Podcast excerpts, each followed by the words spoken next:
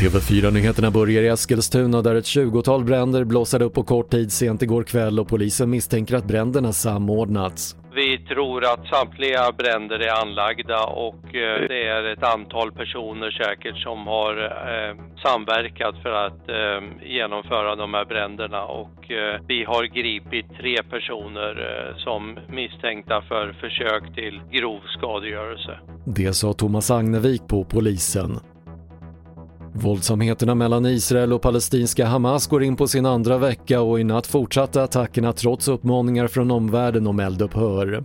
Enligt palestinska myndigheter har 197 palestinier dödats varav 58 barn och i Israel har 10 personer dödats varav 2 barn uppger israeliska myndigheter.